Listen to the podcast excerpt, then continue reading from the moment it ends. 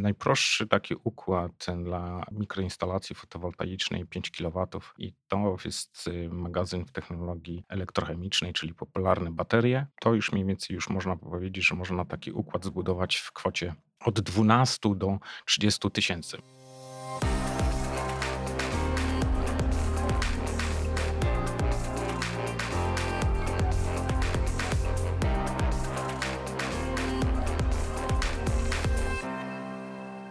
Zielony Podcast Krzysiek Grzyman. Dzień dobry. Gościem jest Krzysztof Kochanowski, wiceprezes Polskiej Izby Magazynowania Energii. Witam. Witam serdecznie. Temat już e, narzucony z automatu, e, magazynowanie energii. Dlaczego ten temat jest tak ważny, a jeszcze mało się o nim mówi? Ważne jest e, z wielu przyczyn. Cały jakby problem energetyczny fokusował się wokół e, magazynowania energii. Wcześniej jakby nie było odpowiednich technologii, które mogłyby e, zagwarantować to magazynowanie, ale generalnie rzecz biorąc zawsze człowiek dążył do tego, żeby mieć taki odpowiedni zasób energii w, zawsze jakby dyspozycyjnej. No i dzisiaj technologie światowe podążały już za, za tym trendem, za tą potrzebą i są takowe technologie. No, zaczęło się od baterii, bo wiemy, że każdy mając czy telefon komórkowy, czy latarkę, czy jakieś inne e, skromne urządzenie jest wyposażone w baterię i to jest właśnie taki mały magazyn energii. Dzisiaj myślimy już o takich magazynach w dużo większej skali. A dlaczego się tak mało o tym mówi? Może dlatego, że Polska jest y, dosyć niewdzięcznym takim krajem, jeżeli chodzi o system energetyczny. My mamy system rozbudowany w takiej starej architekturze jeszcze z lat 50. i 60 oparty na dużych e, blokach energetycznych, e, które produkowały energię dla całego kraju z, e, głównie z węgla kamiennego i, i, i brunatnego. I w, bardzo trudno się przebijają wszelkie nowinki technologiczne do, do tej architektury tego systemu elektroenergetycznego, w tym między innymi źródła odnawialne, czy też właśnie magazynowanie energii oraz inne technologie e, tego high-techu energetycznego, które już tam na świecie są stosowane. Temat się pojawia bardzo blisko odnawialnych źródeł energii. E, jak spojrzymy na program Mój Prąd, to to jest pewien sukces. No jeszcze na małą skalę, ale jest. No i pytanie na przykład, dlaczego osoba, która sama może produkować energię, nie może jej później zachować na przykład na noc, tylko oddaje ją cały czas do sieci? To jest y, no, bardzo prosta odpowiedź, bo ten program jest bardzo dobry, bo rzeczywiście pobudził e, prywatny kapitał do tych inwestycji w fotowoltaikę. Natomiast y, no, jest y, niedopracowany, bo brakuje właśnie w nim elementu magazynowania energii. Z naszej wiedzy była planowana nawet w tym programie Mój Prąd e, opcja e, dołożenia do tam jeszcze instalacji magazynowania energii, ale ostatecznie rząd z tego się wycofał, uznając, że obszar magazynowania energii jest dla niego za skomplikowany, czy generalnie nierozpoznany. Wobec tego, żeby najszybciej osiągnąć ten efekt i nazwijmy to gospodarczy i, i polityczny, zdecydowano się tylko na wsparcie fotowoltaiki. My, jako Polska Izba Magazynowania Energii, wyszliśmy z inicjatywą, aby kontynuować ten program Mój Prąd poprzez jego uzupełnienie programem Mój Magazyn Energii. I takie e, założenia do tego programu przedstawiliśmy w Ministerstwie Klimatu i, i Narodowemu Funduszowi Ochrony Środowiska i Gospodarki Wodnej. I z jakimi skutkami? Jest bardzo duże, e, że tak powiem, poparcie dla tego programu. Kwestia jakby rozbija się teraz, czy w tej jeszcze perspektywie budżetowej w tym roku 2020 byłby uruchomiony, czy też w 2021. Na pewno jest to potrzebne, chociażby z tego powodu, że ci inwestorzy, którzy już zainwestowali w e, przydomową fotowoltaikę, są w będą w pewnym sensie potrzebowali tego magazynowania, w szczególności w tych obszarach e, Polski, gdzie zasilanie w energię jest nadal e, problemem pod względem zarówno jakości energii, jak i przerw w dostawach. Bo dzisiaj ktoś, kto ma nawet taką fotowoltaikę na dachu, w momencie awarii w danym punkcie sieci, to nie może korzystać z tej instalacji i też E, kolokwialnie mówiąc, prądu w domu nie będzie miał. Więc tylko właśnie posiadanie magazynu energii i produkowanie na ten magazyn całej produkcji z tej fotowoltaiki na dachu daje mu gwarancję odzyskania tej energii wtedy, kiedy on będzie ją chciał.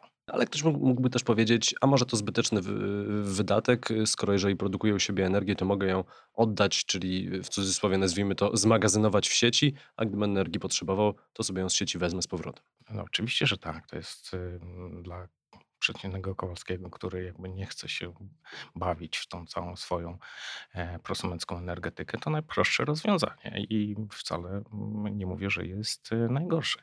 No ale ma swoje jednak wady.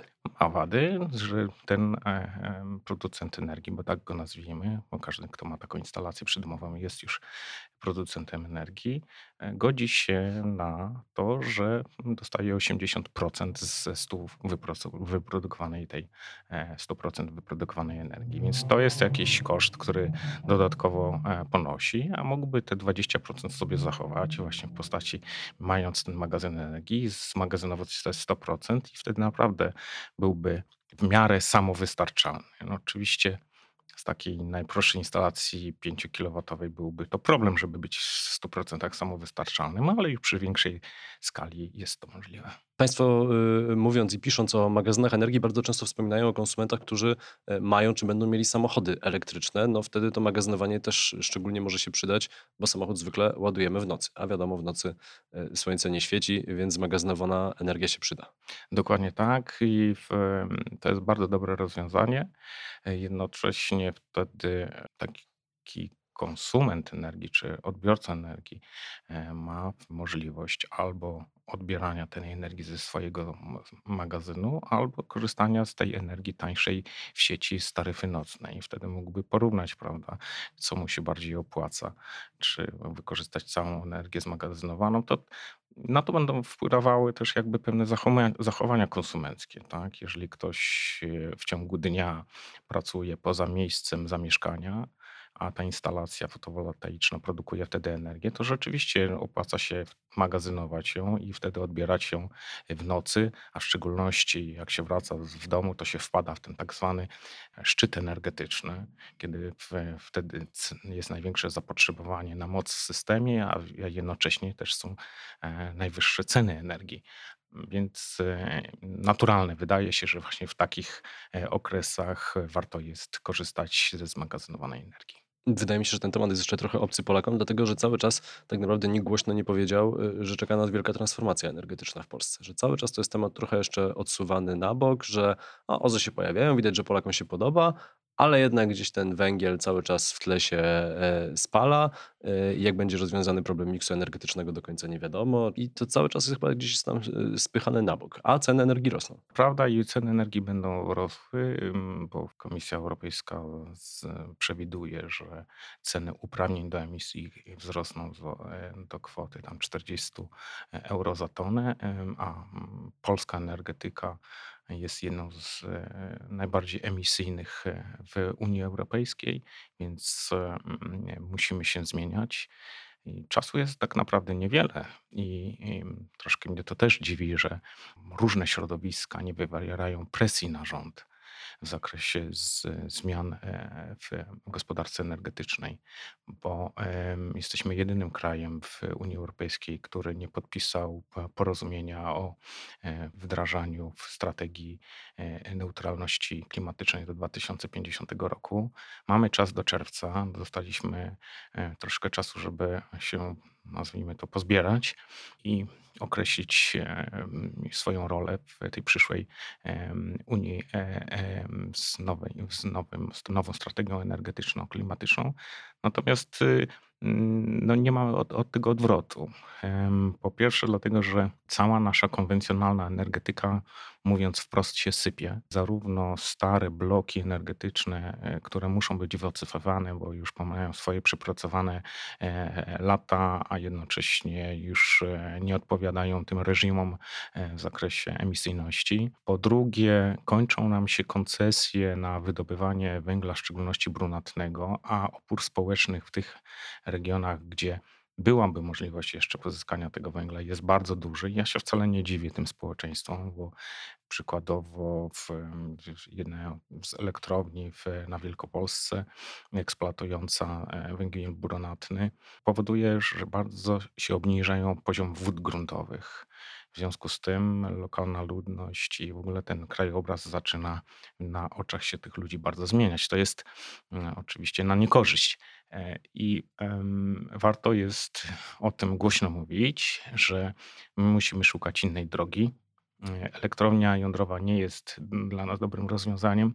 Notabene potwierdzają to nie tylko analizy e, fachowców, ale można popatrzeć też na te inwestycje, które są kończone w, czy w Anglii, czy Finlandii przekroczone budżety, mm, już nie mówiąc o tym, że inwestorzy wycofują się z, z, pewnych założeń inwestycyjnych, czyli realizują mniej bloków energetycznych niż, niż planowali.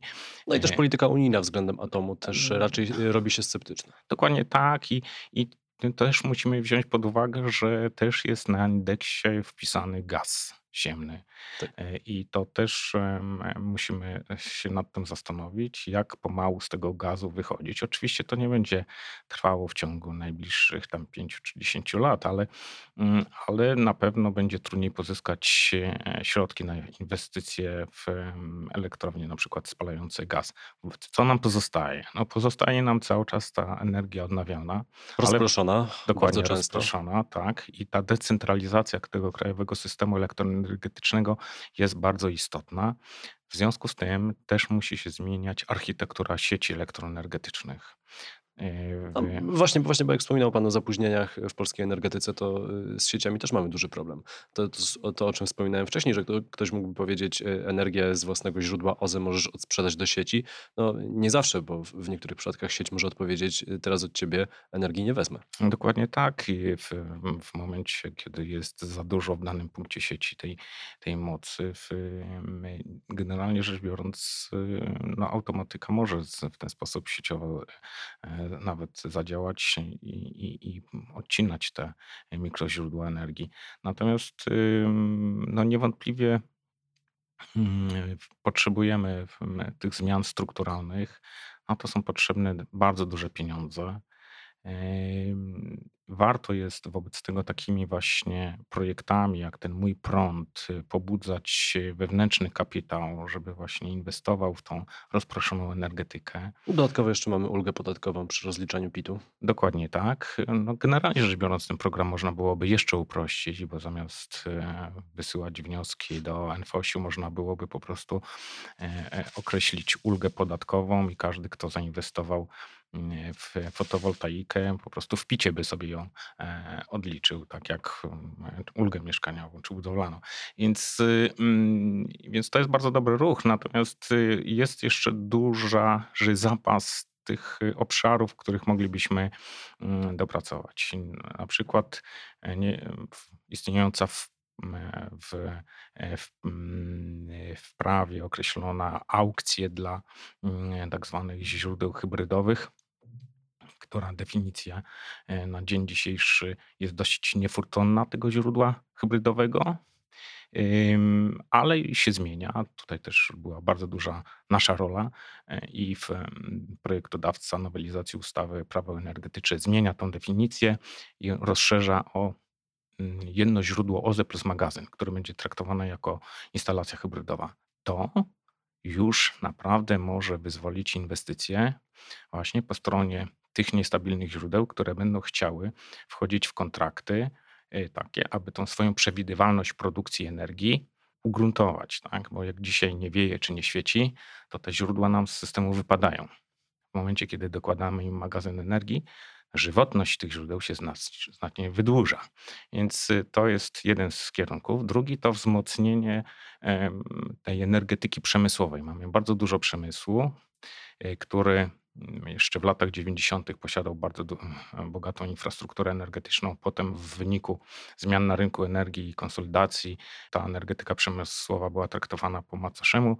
Następuje teraz renesans i to też jest duży kapitał, który warto jest e, wykorzystać. I także, co bardzo istotne, edukacja odbiorców energii. W krajach już e, skandynawskich wprowadza się na przykład towary, które są oznakowane, z jakiej energii są wyprodukowane. Jeżeli jest zielona kropka, no to mm, kupujący szampon czy cukier wie, że z, z zielonej energii został wyprodukowany ten produkt. E, myślę, że ta, ta zmiana i, ta, i taka presja ze strony e, odbiorców też pojawi się u nas i, i, i będziemy mogli też mieć większy wpływ e, na przyszłą tą energetykę. Druga, kolejna sprawa to bariery takie wynikające z tego, że ktoś chciałby na własny użytek e, konsumować energię. Są Czyli odłączyć się od sieci? Na przykład odłączyć, odłączyć się od sieci. Jest to w niektórych wypadkach uzasadnione, tam, gdzie można byłoby pozyskać kapitał na wybudowanie tak zwanej linii bezpośredniej, czy postawienie źródła, wybudowanie linii bezpośredniej i żeby jakiś dany zakład, załóżmy, pozyskiwał tanią energię, a dzięki temu miał konkurencyjną cenę energii w stosunku do e, konkurentów z, e, z innych krajów. Dzięki temu jego produkcja staje się też konkurencyjna. E, więc Tutaj jest praca domowa do odrobienia po stronie zarówno e, legislatora, jak i Urzędu Regulacji Energetyki w zakresie mm, e, traktowania inwestycji w linię e, bezpośrednią, czyli no, im mniej tych procedur czy koncesjonowania tego typu producentów, to, które jakby nakładają dodatkowe koszty, to byłoby lepiej. Wróćmy do tych naszych przydomowych magazynów energii. Jaka to jest inwestycja? Jeżeli mam dom, mam e, panele fotowoltaiczne na dachu i chciałbym magazynować energię. No dzisiaj technologie idą tak szalenie, e, że tak powiem, tak szalenie się rozwijają. I w związku z tym, no oczywiście wraz z zapotrzebowaniem e, na magazyny energii, głównie na, na świecie, no ceny też tych technologii spadają. I najprostszy taki układ dla mikroinstalacji fotowoltaicznej 5 kW e, i to jest magazyn w technologii elektrochemicznej, czyli popularne baterie. To już mniej więcej już można powiedzieć, że można taki układ zbudować w kwocie od 12 do 30 tysięcy. Ja podaję taki przedział z tego względu, że na samą, oprócz samej baterii jeszcze jest tam BMS, czyli taki system zarządzania tą instalacją. Generalnie rzecz biorąc, mm, też i występują różne ogniwa e, elektrochemiczne, które można zastosować. W zależności, co sobie odbiorca życzy, tak? czy zwiększenie pojemności tego magazynu, czy zależy mu na zwiększeniu mocy, to będzie, będzie decydował e, o tym indywidualnie e, konsument i taką ofertę instalatorzy czy firmy producenckie przygotują. Także trzeba powiedzieć o innych technologiach oprócz e, bateryjnych. Na Austrii na przykład bardzo dobrze się sprawdzają i sprzedają magazyny energii w technologii tak zwanej morskiej wody. No, bo dosłownie tam słona woda jest tym elektrolitem. Mówiliśmy o, o, o tych małych instalacjach przydomowych, a swoją drogą takie wsparcie rządowe ile miałoby wynosić? Myśmy oszacowali to wsparcie rządowe na poziomie 15 tysięcy złotych, ale dla mocy od 10 do 20 kW. Czyli już większej. Tak, nieco większej. Świadomie jakby sugerujemy e, odbiorcom czyli prosumentom, e, zainstalowanie przynajmniej 10 kW w tym magazynie energii. Lepiej mieć troszkę większą e, pojemność tej baterii niż mniejszą, no bo w, jesteśmy wtedy no, nieco bardziej samowystarczalni. Mówiliśmy o tych y, małych y, instalacjach, a nie powinno się myśleć o tym w trochę większej skali. Nie mówię, że wielkiej, ale na przykład bardziej osiedlowej, że bardziej ta cała instalacja może się opłacać, jeżeli kilku właścicieli instalacji małych fotowoltaicznych zrzuci się na jeden większy magazyn. Nie ma jakiegoś efektu skali? Jak najbardziej i to jest bardzo dobry kierunek. Mm, po pierwsze, dlatego, że rząd też już uruchamia dofinansowanie dla mm, właśnie samorządów y, i, i zarządców spółdzielni i wspólnot mieszkaniowych, które chcą montować fotowoltaikę na y, obiektach mieszkalnych takich dużych to mm, gdzie już tam instalacje są od 50 albo i powyżej 50 kW. Opłaca się oczywiście wtedy stawiać takie magazyny. Po pierwsze, wtedy można postawić jeden większy magazyn, który będzie zarządzał kilku lub kilkunastoma e, nieruchomościami, z tych, czyli zarządzał tymi instalacjami produkcji energii. Jednocześnie będzie także wspierał infrastrukturę elektromobilności, bo nie zapominajmy, że, że przepisy unijne nakładają na nas od 2025 roku. Myśmy e, miały wejść wcześniej, ale mamy pewne przesunięcie, zresztą na, na, na prośbę wielu krajów członkowskich. Wszystkie spółdzielnie, które mają parkingi, będą musiały mieć wyprowadzoną moc na określoną liczbę e, miejsc postojowych dla tych samochodów, a także instalacje e, ładowarek do ładowania samochodów e, elektrycznych. Innym ważnym aspektem jest też to, że te magazyny, oprócz tego, że e, będą mogły magazynować tą energię w, w, z tej fotowoltaiki na dachach bloków mieszkalnych, także pozwalają obniżać koszty tak zwanej mocy zamówionej. To są niebanalne koszty dla e, takich spółdzielni. Wraz z rozwojem elektromobilności tej mocy trzeba będzie e, mieć więcej. Nie w każdym miejscu e, nieruchomości da się tą moc dodatkową z sieci pozyskać. Dlatego taki magazyn energii jest w takiej sytuacji bardzo uzasadniony. A, a skoro już mówimy tyle o elektromobilności, wykorzystuje się tak zwane zużyte baterie e, z samochodów e, w tego typu instalacjach, magazynów energii? Oczywiście, że tak. To znaczy już takie projekty są komercyjnie. W, na przykład stadion Johanna Cruyffa e, w Amsterdamie jest zasilany bateriami z zużytych samochodów elektrycznych. Polska Izba Magazynowania Energii też pracuje nad takim projektem. Kupiliśmy dwie tony zużytych baterii które w jednym z instytutów naukowych e, e, przetestowaliśmy i potwierdziły się nasze przypuszczenia e, w zakresie parametrów elektrycznych tych baterii, że są doskonałej formie i można je wykorzystać na budowę mm, właśnie tak zwanego magazynu energii. My go nazywamy Second Life. I to jest też chyba pewna odpowiedź na tę krytykę dotyczącą elektromobilności, że później powstaje nam samochód i jego komponenty, z którymi nie ma co zrobić, bo sprawność baterii spada, więc w samochodzie ich y, zastosowanie się y, no, jest po prostu mniej korzystne i y, tworzymy nowe śmieci. No nie do końca ta bateria jeszcze może mieć spokojnie drugie życie. Dokładnie tak.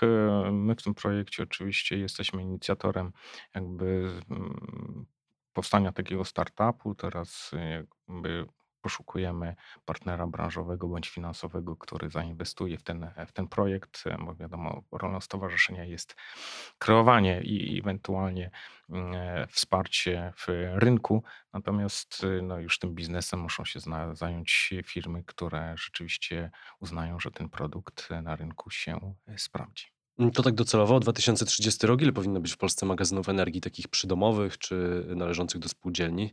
Jakie to powinny być moce? E, ja sądzę, że jeżeli byśmy kontynuowali program Mój Prąd na tym poziomie, na którym e, jest obecnie, czyli półtora miliarda e, wsparcia, no to szacujemy, że można byłoby wybudować 100 tysięcy instalacji, czyli takich przydomowych magazynów, e, więc łatwo to policzyć. Jeżeli 100 tysięcy pomnożymy przez 10 lub 20 kW, to mniej więcej e, jesteśmy w stanie oszacować, ile mm, dodatkowo tej mocy zmagazynowanej w systemie się może pojawić. To jest y, bardzo optymistyczny e, e, byłby kierunek rozwoju dla naszej energetyki, bo w, przy okazji mogłoby się pojawić to, co jest w krajach zachodnich, e, tak zwani agregatorzy, którzy mogliby zarządzać tą pojemnością magazynową i z tej pojemności magazynowej świadczyć także usługi nawet dla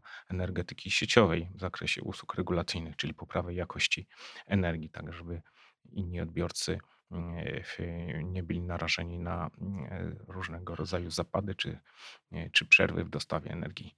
I istotnym elementem rozwiązania w zakresie legislacji jest także udrożenie przepisów rozliczania się energii, bilansowania jej w ramach właśnie tego rynku prosumenckiego. I świadczenie tej e, energii na przykład sąsiadom. Nie każdy będzie chciał sobie wybudować taką mikroinstalację na dachu, albo go po prostu nie będzie na to stać. Mhm. Ale jeżeli ma to sąsiad, to ten sąsiad mógłby tą energię nadwyżkową oddawać e, e, pozostałym. Dzisiaj prawo jakby na to nie zezwala, ale pracujemy nad tym, żeby taka możliwość była. Dzięki temu też cały ten ruch, który jakiś czas temu się zaczął, a niestety trochę wygasł, czyli tworzenie spółdzielni energetycznych, klastrów energetycznych miałby e, o wiele większy sens. W dzisiejszej rozmowie skupiliśmy się na tych e, takich małych przydomowych magazynach, e, no i tych technologiach bateryjnych. To na koniec tylko jedno pytanie, takie szersze, no bo magazyny energii mogą też działać w dużo większej skali i w zupełnie innych technologiach. Dokładnie tak. I, i, jeden z członków naszej organizacji nawet do takiego mechanizmu, który się nazywa rynek mocy, E, zgłosił ponad 6 gigawatów e, mocy w magazynach e, energii. Mm, oczywiście aukcji nie wygrał i, i te, te magazyny się nie pojawią, ale co nie znaczy, że w kolejnej aukcji, jeżeli będzie, albo w jakiejś innej konfiguracji, te magazyny nie zaistnieją. Zaistnieją, potrzebne są do tego zachęty, nie tylko na tym poziomie prosumenckim, ale także na poziomie takim systemowym, a przede wszystkim zdjęcie pewnych barier legislacyjnych, o których już mówimy e, od jakiegoś czasu, chociażby e, tych, których mówi się, że, mm, że magazyny energii mogłyby świadczyć usługi regulacyjne na rzecz energetyki sieciowej. Mm, dzisiaj mm, niestety nie mogą przedsiębiorstwa energetyczne kontraktować takich usług, e, a momencie pojawienia się magazynów w szerszej skali mogłyby to robić. E, istotnym elementem też jest, żeby te instalacje się rozwijały jakby w takim układzie komercyjnym, bo wtedy jest szansa na zaistnienie efektu skali, na e, spadanie tych cen i, mm, i większy rozwój technologiczny tych technologii istotnym w tym naszym układzie jest właśnie po pierwsze traktowanie tych magazynów e, jako rzeczywiście potrzebnych instalacji w systemie i e, udrożnienie przede wszystkim tych regulacji, które właśnie spowodują zadziałanie rynku komercyjnego. Dzisiaj bezwładność energetyki państwowej w zakresie wielu inwestycji no nie, nie dawałaby też gwarancji, jeżeli energetyka systemowa miałaby budować takie magazyny. Na szczęście Komisja Europejska w tak zwanym pakiecie e, zimowym określiła, że jednak e, przedsiębiorstwa sieciowe tych magazynów nie będą mogły budować, oczywiście poza pewnymi wyjątkami, więc jest szansa, że rzeczywiście ten rynek e, usług komercyjnych magazynowania energii się rozwinie. Krzysztof Kochanowski, wiceprezes Polskiej Izby Magazynowania Energii, był moim gościem. Bardzo dziękuję za rozmowę. Dziękuję uprzejmie. Moim gościem, gościem Zielonego Podcastu, Krzysztof Grzyman. Do usłyszenia.